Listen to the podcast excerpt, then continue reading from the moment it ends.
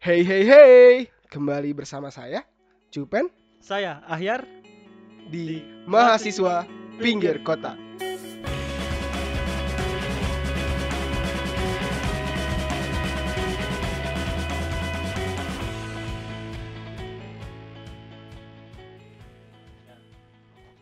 Oke, eh, kembali bersama kami Ahyar dan Cupen di Mahasiswa Pinggir Kota.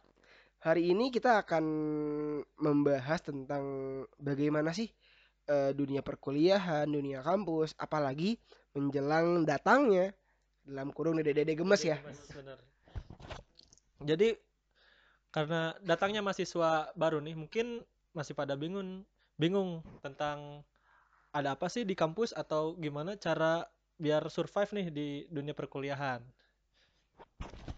Untuk melengkapi hal tersebut juga kita udah mendatangkan nih eh, narasumber atau bintang tamu ya, Reh. Ya. Nah, jadi nanti kita komposisinya bakal ngomongin gimana sih adaptasi dalam tiga generasi. Di sini ada saya dari tingkat empatnya mungkin ya, Ya, Kang Ahyar dari saya dari tingkat 3. dan ada bintang tamu kita dari tingkat dua. Mungkin bisa perkenalan dulu Kang ya. Ya, langsung aja perkenalkan. Nah, Kang, perkenalan Kang. Oke, eh, perkenalkan nama saya Farhan Aziz dari Visip Unpad 2018. Nah, Kang Farhan, Kang Farhan ini anak 18 ya Kang ya. Iya. Jadi eh, mungkin tahun depan bakal ada di tingkat kakak tingkat 2 nih. Iya, Udah punya adik kelas kebetulan ya kemarin. bisa dibilang. Heeh. Kang Farhan juga aktif di beberapa kegiatan-kegiatan kampus ya Kang Iya, ya. di beberapa kepanitiaan Heeh. seperti penerimaan mahasiswa baru tingkat jurusan. ya. Dan juga tingkat universitas Kang. Iya. Jadi berarti harusnya Kang Farhan nih sangat memahami nih gimana eh, mahasiswa baru harus beradaptasi setahun ke belakang Iya. kayak karena sudah setahun nih di kampus. Kampus. Iya. Ngomongin case yang pertama Kang, kita ngomongin apa nih Kang? Eh, yang paling beda mungkin ya tempat tinggal. Ya, Tinggal. Karena kan kalau kebanyakan nih kalau kampus tuh jauh nih dari tempat tinggal dari rumah sendiri. Kalau boleh tahu nih Kang Farhan aslinya dari mana?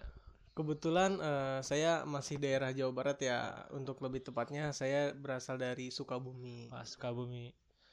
Masih satu provinsi lah Satu sama provinsi. Sumedang. ya. Sumedang. Betul sekali. Eh, Kang, kita mau nanya nih sebenarnya Kang. Kan kalau ah, Kang nih kira-kira untuk tempat tinggal di perkuliahan ini, Kang ngekos atau ngontrak atau gimana Kang? Atau ada saudara mungkin? Oh iya ya. Kebetulan eh yang masuk ke Unpad dari sekolah saya itu lumayan banyak dan teman-teman eh, laki-lakinya pun banyak juga. Nah, terus eh, ada masukan dari beberapa teman gimana kalau misalkan kita ngontrak aja. Terus kita memutuskan buat ngontrak bareng. Sampai sekarang kita ngontrak bareng udah tingkat 2. Lanjut sampai tahun depan berarti ya Kang ya? Ah, insya Allah. Hmm. Sampai akhir insya Allah. Oh, sampai Kita jaga pertemanan sampai kita. lulus wisuda. Ya, amin. Satu persatu Amin. lulus. Semoga bareng juga tuh lulusnya tuh. Aduh, amin amin amin. Amin.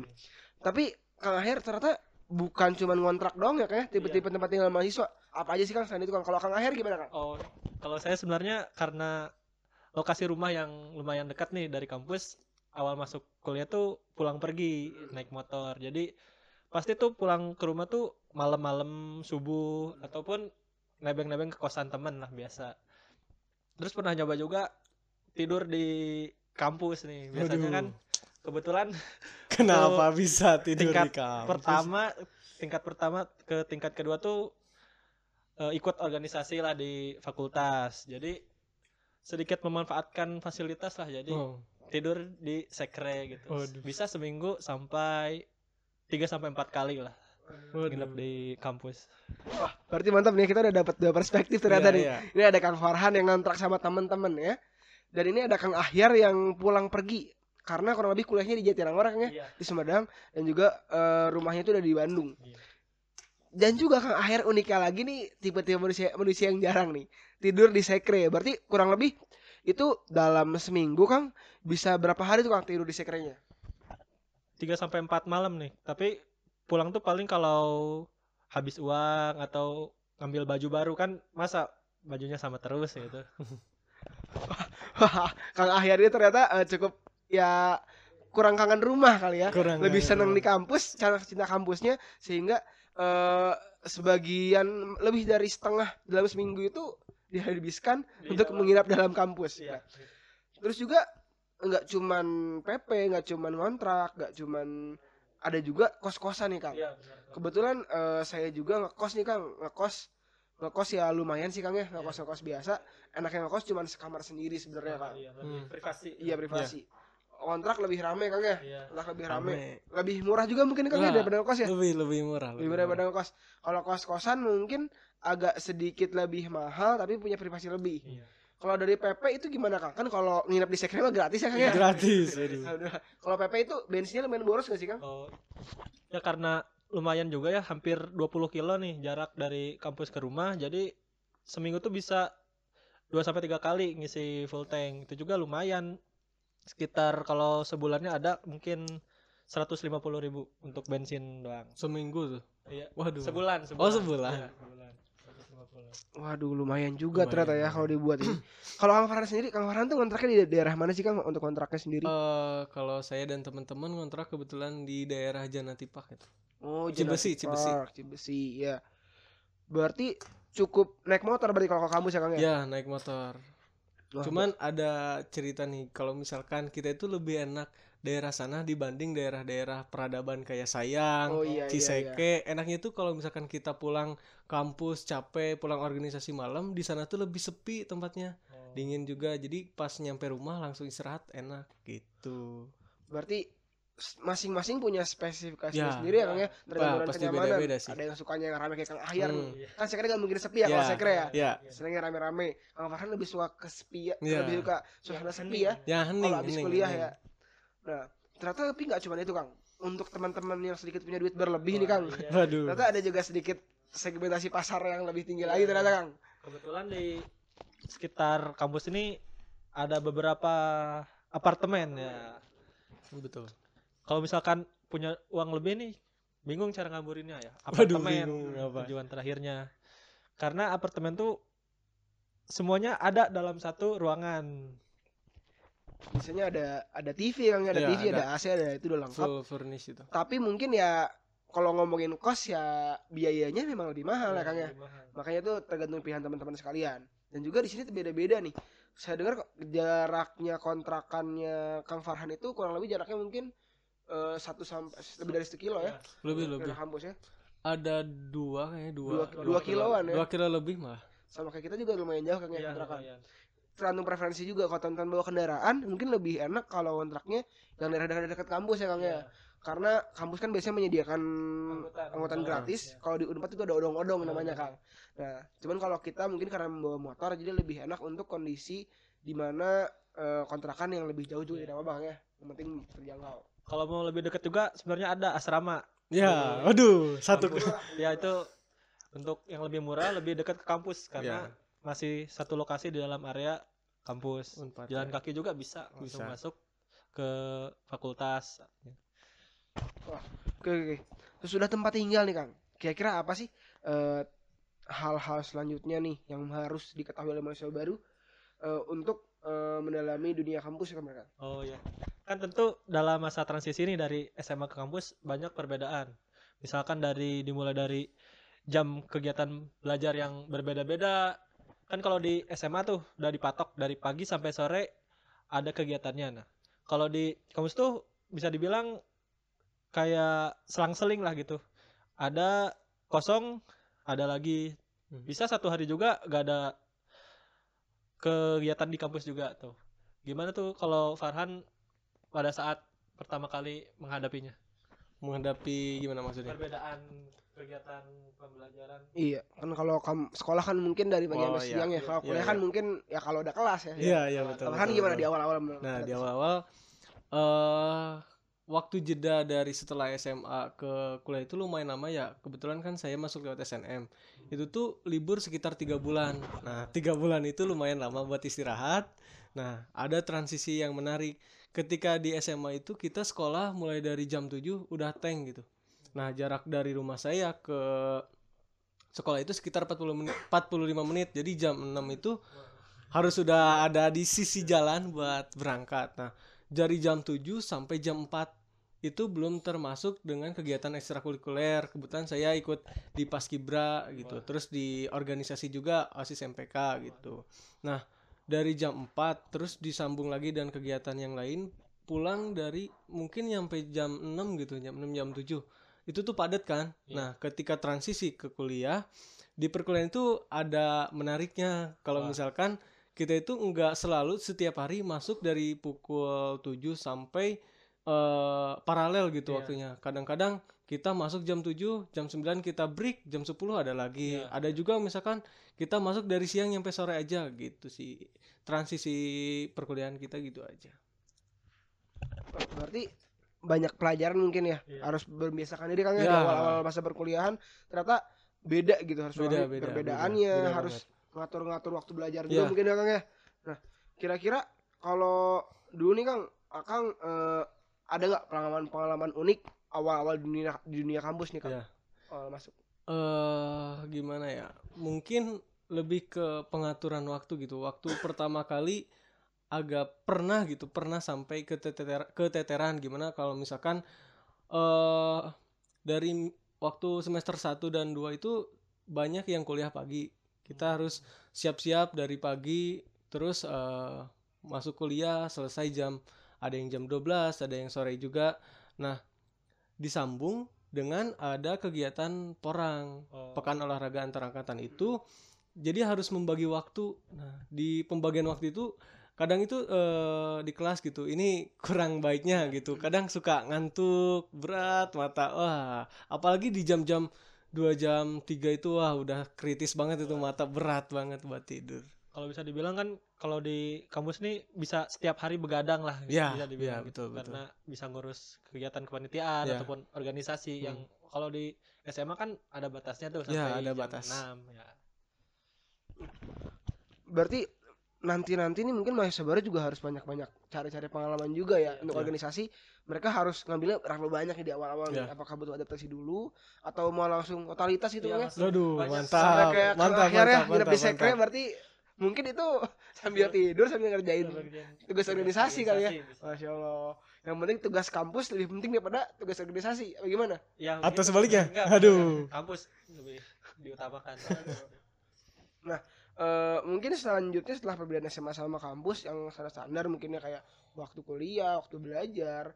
Eh, kalau Akang nih Kang, dulu Akang waktu pertama Kang Farhan, lu waktu pertama-tama kuliah, eh pakaiannya bedanya apa sih Kang sama hari-hari sama sekolah, Sekolah biasa? ya? Seragam nah sekolah. ya ya Kalau pakaian Akang berkuliah kira-kira gimana tuh Kang? Nah, kalau waktu SMA dulu itu eh, pasti semua sekolah di Indonesia itu diatur ya penyeragaman sekolah baju gitu.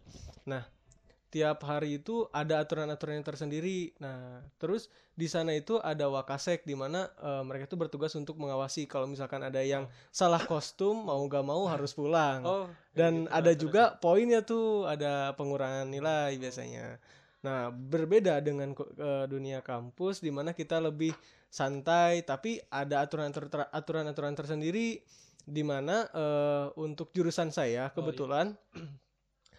Eh, setiap ada beberapa dosen yang yang harus mengenakan kerah Wah, kerah Oke. tuh walaupun ada beberapa hari yang cuma pakai kaos Harus. celana panjang gitu pakai sepatu itu harus seti- setiap dosen tapi ada beberapa dosen yang mengharuskan memakai kerah itu aja sih bedanya Kalau Kang Ahyar Kang, Ahyar itu eh, pas kuliah seringnya pakai kaos sama pakai kemeja bagaimana gitu Kang? kalau saya sih lebih sering pakai polo polo shirt. Jadi kayak kaos cuman tetap ada kerahnya karena selain butuh pergerakan yang gampang ya, jadi enak juga dipakainya kan. Kalau misalkan kemeja tuh suka panas, apalagi kan lokasi kampusnya di Jatinangor ya. ya ya Kalau untuk misalkan lagi males nih, bisa ngakali nih pakai kaos terus dibungkus sama hoodie. waduh Ya, kalau itu tapi nggak baik ya. Mungkin mau nambah ini Iya. jadi ada rasionalisasi dari si dosennya di mana di FISIP itu khususnya di ilmu pemerintahan ada satu matkul eh, tentang etika pemerintahan. Nah, di mana kita itu diajarkan untuk eh performance dari diri kita tuh tampilan diri kita udah udah baik gitu. Jadi dari mulai tata rambut, dari mulai kerah baju itu sampai dengan sepatu diperhatikan. Karena karena itu eh, mulai kita bertemu dan orang kita udah mulai gimana sih penampilan kita itu auranya itu udah kelihatan gitu. Di- kita diajarkan lebih sopan, lebih rapih itu sih. Berarti ini tergantung perspektif masing-masing juga ya. Ya, Masing-masing tergantung dosen, perspektif masing-masing. Soalnya kalau saya sendiri hampir terhitung jarang Kang pakai selain berkerah. Soalnya kalau saya sendiri ingin membuat main kepada diri sendiri bahwa kalau kuliah nih setidaknya saya eh, Rapi. rapih berarti ada fungsi saya itu memperdulikan untuk menghormati dosennya. ya. Jadi saya karena dosennya jarang-jarang dosen pakai kaos sih Kang. Iya. Jadi saya juga ingin menghormati dosennya dengan saya tidak pakai kaos juga. Nah, Tapi itu memang pilihan masing-masing dan juga gimana sikon juga kan mungkin kalau bangun pagi-pagi baju belum disetrika kan juga nggak bisa ya. Ya. Gitu. Lecek lah. ya lecek-lecek gitu. Terus sudah masalah baju tempat tinggal tadi juga udah ngomong-ngomongin. Sekarang kita ngomongin yang paling penting nih Kang. Iya. Sama manusia pasti harus makan ya Kang ya. Iya dong. Masalah perut terpenting. ya. Aduh. Kalau kata orang Sunda mah urbet kan. Apa coba urbet? Urusan buteng. Nah, Aduh. ini penting sekali. Urgent, Kang. urgent. Dan tentunya beda-beda Kang ya kalau urusan makan ya Kang ya. Iya. Gimana tuh bedanya Kang? Kalau beda nih kan di SMA kan pasti banyak nih yang bekal nih, Hmm. bekal ataupun ataupun makan siangnya dikasih nih setiap hari oleh Ya. orang tua misalkan 10.000 ribu atau 20.000 ribu kalau di sini kan banyak nih variasinya bisa beli sendiri ataupun masak nih Ya. untuk masak pun lebih murah ya dikeluarkan uangnya Sebenarnya ya, gimana emang gimana pre- preferensi masing-masing nih Kang? Setiap orang mungkin kan punya uang jajan beda-beda, Iya, iya beda-beda. punya teman gaul beda-beda juga nih Kang. Iya, ada. Nah, kira-kira kalau Kang Farhan sendiri Kang, waktu awal masuk kampus, Iya, iya. kira-kira kalau nyari makan ke mana sih Kang kalau nyari makan kira-kira? Nah dulu itu karena kita bareng-bareng ngontrak gitu sama teman-teman, jadi waktu awal-awal karena belum jadwal kuliah belum apa ya belum sibuk, terus tugasnya belum banyak, kita tuh tiap minggu masak seru tuh kalau masak bareng-bareng ngeliwat gitu. Nah setelah ke sini ke sini mulai udah mencar eh, per fakultas punya kesibukan masing-masing, kita eh, mulai makan sendiri-sendiri. Nah untuk awal-awal itu eh, karena kita belum tahu ya mahasiswa baru gitu, jadi eh makanya tinggal masuk aja tanpa tanpa kita tahu budgetnya itu berapa tuh. Pernah ada eh, mau beli makan nasi goreng di dekat Cisek itu ada nasi yang nasi goreng yang harganya tiga puluh ribu sampai empat puluh ribu. Aduh. itu ya Allah ini nasi goreng apaan gitu. Tapi setelah ke sini ke sini gaul sama teman-teman yang lain oh di sini ada eh, makan yang murah tapi enak banyak juga. Nah mulai dari situ tuh sudah bisa membiasakan Berarti juga harus banyak relasi kan ya tentang ya teman harus harus banyak Karena relasi tempat makan yang murah, yang yang murah tapi worth it ya kasarnya. ya murah ya tapi worth it buat duit kita.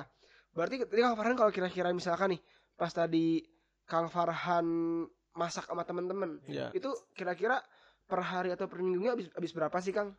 Lebih murah apa gimana? lebih murah soalnya kan kita eh, dikontrakan sekitar 5 sampai 6 Iya. kita ngeluarin orang ngeluarin uang satu kali 20.000 ribu 20 ribu dikali 6 udah 120 kita beli bahan makanan itu bisa nyampe satu minggu atau enam hari juga masih cukup tuh. Makanya itu wah hebat lah. Itu saya juga jadi pingin ya kan murah banget. Murah murah murah.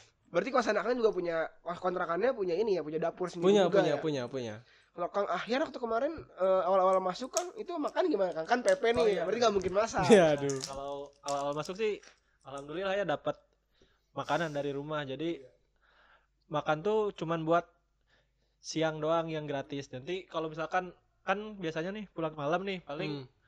malam tuh kalau misalkan udah lapar banget nih ya beli aja. Kalau misalkan mau nyobain nih ngehemat pulang jam misalkan tengah malam nih nah di rumah masak lagi sendiri gitu karena udah pada tidur lah yang lain Berarti eh, mungkin lebih kasarnya lebih hemat juga karena di bekal ya Kang. ya. Iya. Tapi kalau misalkan terpaksa harus makan di luar, itu mungkin lebih boros ya Kang ya. Tapi nih Kang, ada yang menarik nih Kang untuk masalah makanan Kang.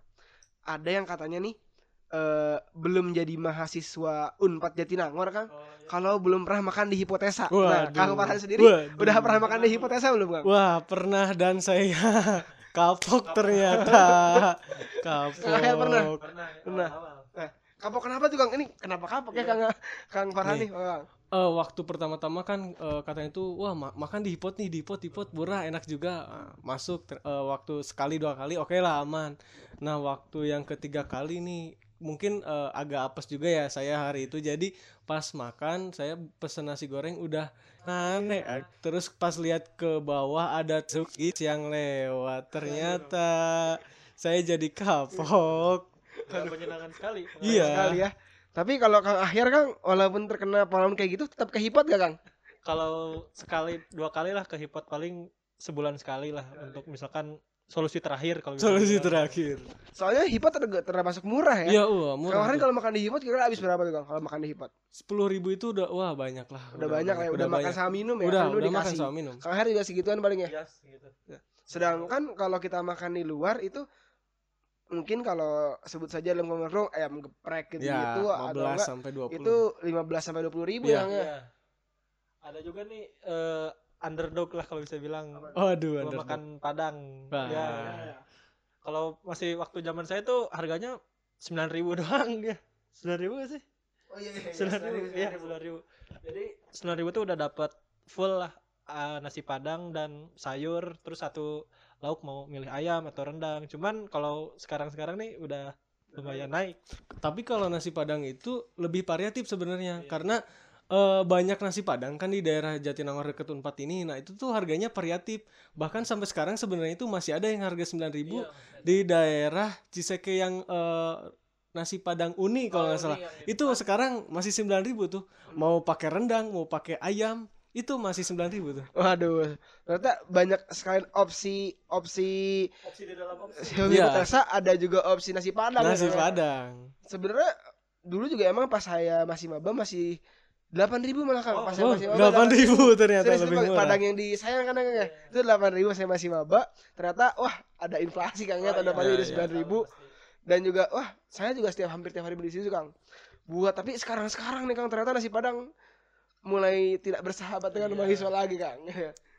Dengar-dengar salah satu pasar nasi padang terbesar di Jatinangor ya Ya. yang mendominasi pasar elok Waduh. sudah terkenal dengan enaknya mungkin akan Iya, iya, tahu semuanya iya, iya, enaknya sudah naik jadi dua belas ribu dan terakhir saya beli yang uni juga sudah naik juga kan jadi dua belas ribu Waduh. Saling inilah Naik ya. naik. padahal kan kita mahasiswa pengennya yang murah-murah kan ya. Murah dan enak dan banyak. Dan banyak. saya pengen nanya nih satu nih Kang Farhan kalau makannya mungkin lagi milih makan murah tapi Iya. nggak masak harus beli luar beli di mana tuh Kang kalau makan murah di Jatinangor kalau menurut Akang Ada dua opsi. Kalau misalkan mau makan nasi Padang di di belokan deket Ikopin ada nasi Padang yang harga 16.000 itu bisa pilih rendang atau ayam, nasinya ngambil sendiri. Itu kalau misalkan lapar banget tuh. Nah, kalau misalkan eh, di tempat lain itu misalkan warteg-warteg itu pas belokan Gerlam di sebelah kanan mungkin sekitar 1 atau 3 meter ada warteg di situ eh, murah dan enak itu di situ. kalau yang tadi nasi padang kira-kira berapa tuh yang nasi ambil sendiri 16.000. 16.000. 16.000 itu udah nasinya ambil sendiri, minum udah termasuk juga. kalau lagi pengen makan murah di situ mungkin Ya, Kalau di akhir situ. di mana Kang paling paling favorit sih ini Chris Bar ya. Waduh, Karena- Chris baru karena tuh tuh. teh manisnya gratis jadi Pakai es juga pakai es tuh. juga lagi. Nasinya juga ngambil sendiri. Iya, Nah, itu betul betul. Karena bisa banyak ngambilnya jadi Chris Bar adalah pilihan utama kalau misalkan mau lapar banget nih makan Chris Bar. Berarti beda sama saya Kang ya. Wah saya kalau makanan utama saya itu saya suka beli ini Kang. Nasi uduk kalau nggak kupat tahu di daerah Caringin. Oh iya, tahu tahu. Itu cuma enam ribu. Wah, 6.000 Iya. murah banget. Dulu waktu saya ta- waktu sebelum lebaran masih lima ribu Kang. Tapi sekarang udah lebaran naik jadi enam ribu. Naik Baru naik jadi enam ribu. Waduh. Nah itu termasuk yang termurah. Saya kalau sarapan di situ mulu kebetulan. Waduh, waduh, waduh. Sarapan sih. Di situ mulu. Jadi ternyata eh, untuk makan gimana pilihan ya Kang ya? Gimana pilihan banyak Jadi kalau kata. Kang Farhan untuk makan gimana nih Kang? Saran-saran untuk mencari makanan di Jatinangor atau di kampus sendiri? Nah, kalau masalah makanan sih lebih ke ngobrol sama teman-teman karena eh, link-link gitu tuh banyak banget rekomendasi tempat makan di Jatinangor yang murah dan enak gitu. Jangan cuma dari tampilan luarnya aja gitu. Nanti pas masuk eh nanti nasi gorengnya 30.000 ribu lagi. Waduh. Tiga puluh ribu. Apa? Kalau kata Kang Ahyar gimana Kang untuk makanan Kang? Untuk ini. Ya, sesuai kebutuhan sendiri sih. Misalkan ingin cari yang banyak ya pilih yang ngambilnya sendiri. Kalau misalkan ingin yang murah bisa tuh ke nasi uduk yang direkomendasikan tuh 5000 atau 6000 doang. Oke oke oke. Wah ternyata udah lumayan lama juga kita ngobrol nih Kang. Kita Ya. udah membahas beberapa hal-hal aspek yang harus dipersiapkan oleh mahasiswa baru dari yang pertama. Mau tinggal di mana di Ya. kampus, yang kedua mereka bakalan gimana sih berbeda kampus sama kuliah, eh kampus sama kuliah, kuliah sama sekolah Kuliah dulu ya, sama sama SMK dulu, dan juga yang terakhir yang paling penting urusan makanan, di Makanan. kampus. Nah, mungkin nanti eh, buat teman-teman sekalian eh, semuanya gimana kondisi teman-teman sekalian. Kita nggak bisa menyeralisir ya. Iya. Karena kalau main mahal murah relatif. Ya, relatif Ya. betul betul, betul Nah, relatif. kita saya nggak mau nyalahin orang lain. Kamu hedonis tuh. Ya, bisa. tidak, tidak. Mungkin saya aja yang miskin Ya. ya kan. kita aja yang miskin. Iya, iya, betul, Nah, betul. kita. Nah, mungkin nanti eh, bisa teman-teman cari sendiri nih di kampus. Nah, nanti kalau teman-teman punya rekomendasi kira-kira tempat di mana bisa kasih tahu kita Kang ya Iya, kira-kira ya nanti ya. Bisa eh, kasih tahu kita. Nah, oke. Mungkin eh nggak usah lama-lama lagi kayaknya. Iya. Sudah lama juga nih, sudah puluhan menit juga. Iya. Eh, nanti biar sisanya kita bahas di Episode episode selanjutnya. selanjutnya. Waduh. mengenai apa? Kalau mau habis masuk kampus pasti ada Aspek. Ospek, waduh, ospek kita betul. ospek. Iya. Kebetulan Kang nih kemarin juga ospek Kang ya. Mungkin nanti Iya, iya. apakah kita undang lagi atau tidak Kang ya. Nah, nanti bakal kita cari nih pembicara yang tentunya cocok dengan materi kita tersebut ya Kang Iya ya. benar. Hmm. Karena tentunya kita semua pasti mengalami ospek Iya, ya. pernah. Kita pernah. cari yang pengalamannya lucu, siapa tahu Iya, siapa yang lucu. tahu. Atau suka sama kakak kelas ya Kang Iya. ya. Waduh. Eh, Cinlok lah. Cinlok. Cinlok. Nah, Oke. Eh, mungkin Kang Farhan mau ada kata-kata penutup Kang terakhir Kang untuk salam-salam untuk nanti Eh, teman-teman mahasiswa baru. Pesan-pesannya sih buat eh, teman-teman yang baru mau masuk ke dunia perkuliahan eh, jangan pernah takut karena kalau misalkan eh, stigma-stigma yang dipikirkan pada saat sekolah SMA itu tergantung kita gitu. Eh, jangan terlalu percaya dengan apa yang dikatakan oleh orang lain. Kita harus coba dulu gimana sih sebenarnya gitu. Jangan terlalu percaya dan lakuin aja semua pasti ada jalannya. Itu aja sih. Oke, eh, mungkin cukup sekian ya Kang ya Iya. pembicaraan hari ini. Eh, Saya Ahyar. saya Cupen. Sampai jumpa di mahasiswa pinggir kota selanjutnya.